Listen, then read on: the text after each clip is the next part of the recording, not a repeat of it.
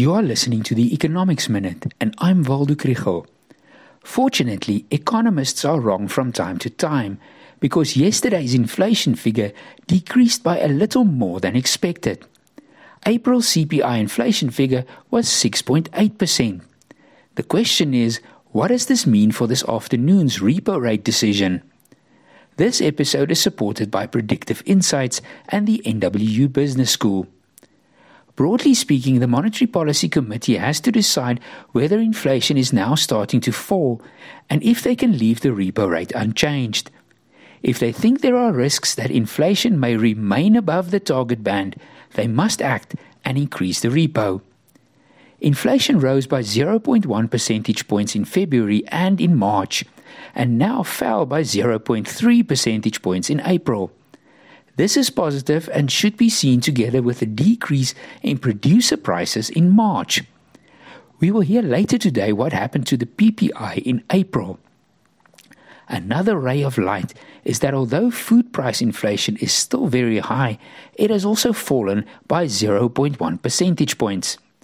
On the downside, there are signs of second round price pressures as core inflation and services inflation rose slightly year on year.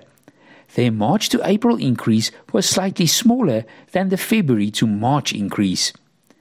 The other concern is that May's weaker rand dollar exchange rate will do to the next month's inflation rate. At the previous MPC meeting, the forecast was that the rand dollar exchange rate would average 18 rand and 6 cents over the entire second quarter. But for the past two weeks, the rand has not traded below 19 rands a dollar. There is the argument that high stages of load shedding are doing the job of high interest rates by dampening economic activity, and therefore a further rise in the repo rate is not necessary. However, this is not clear in the price data. Pleas to keep the rate unchanged to help save the economy may be overestimating the difference that 25 basis points can make while we are also at stage 4 load shedding and higher.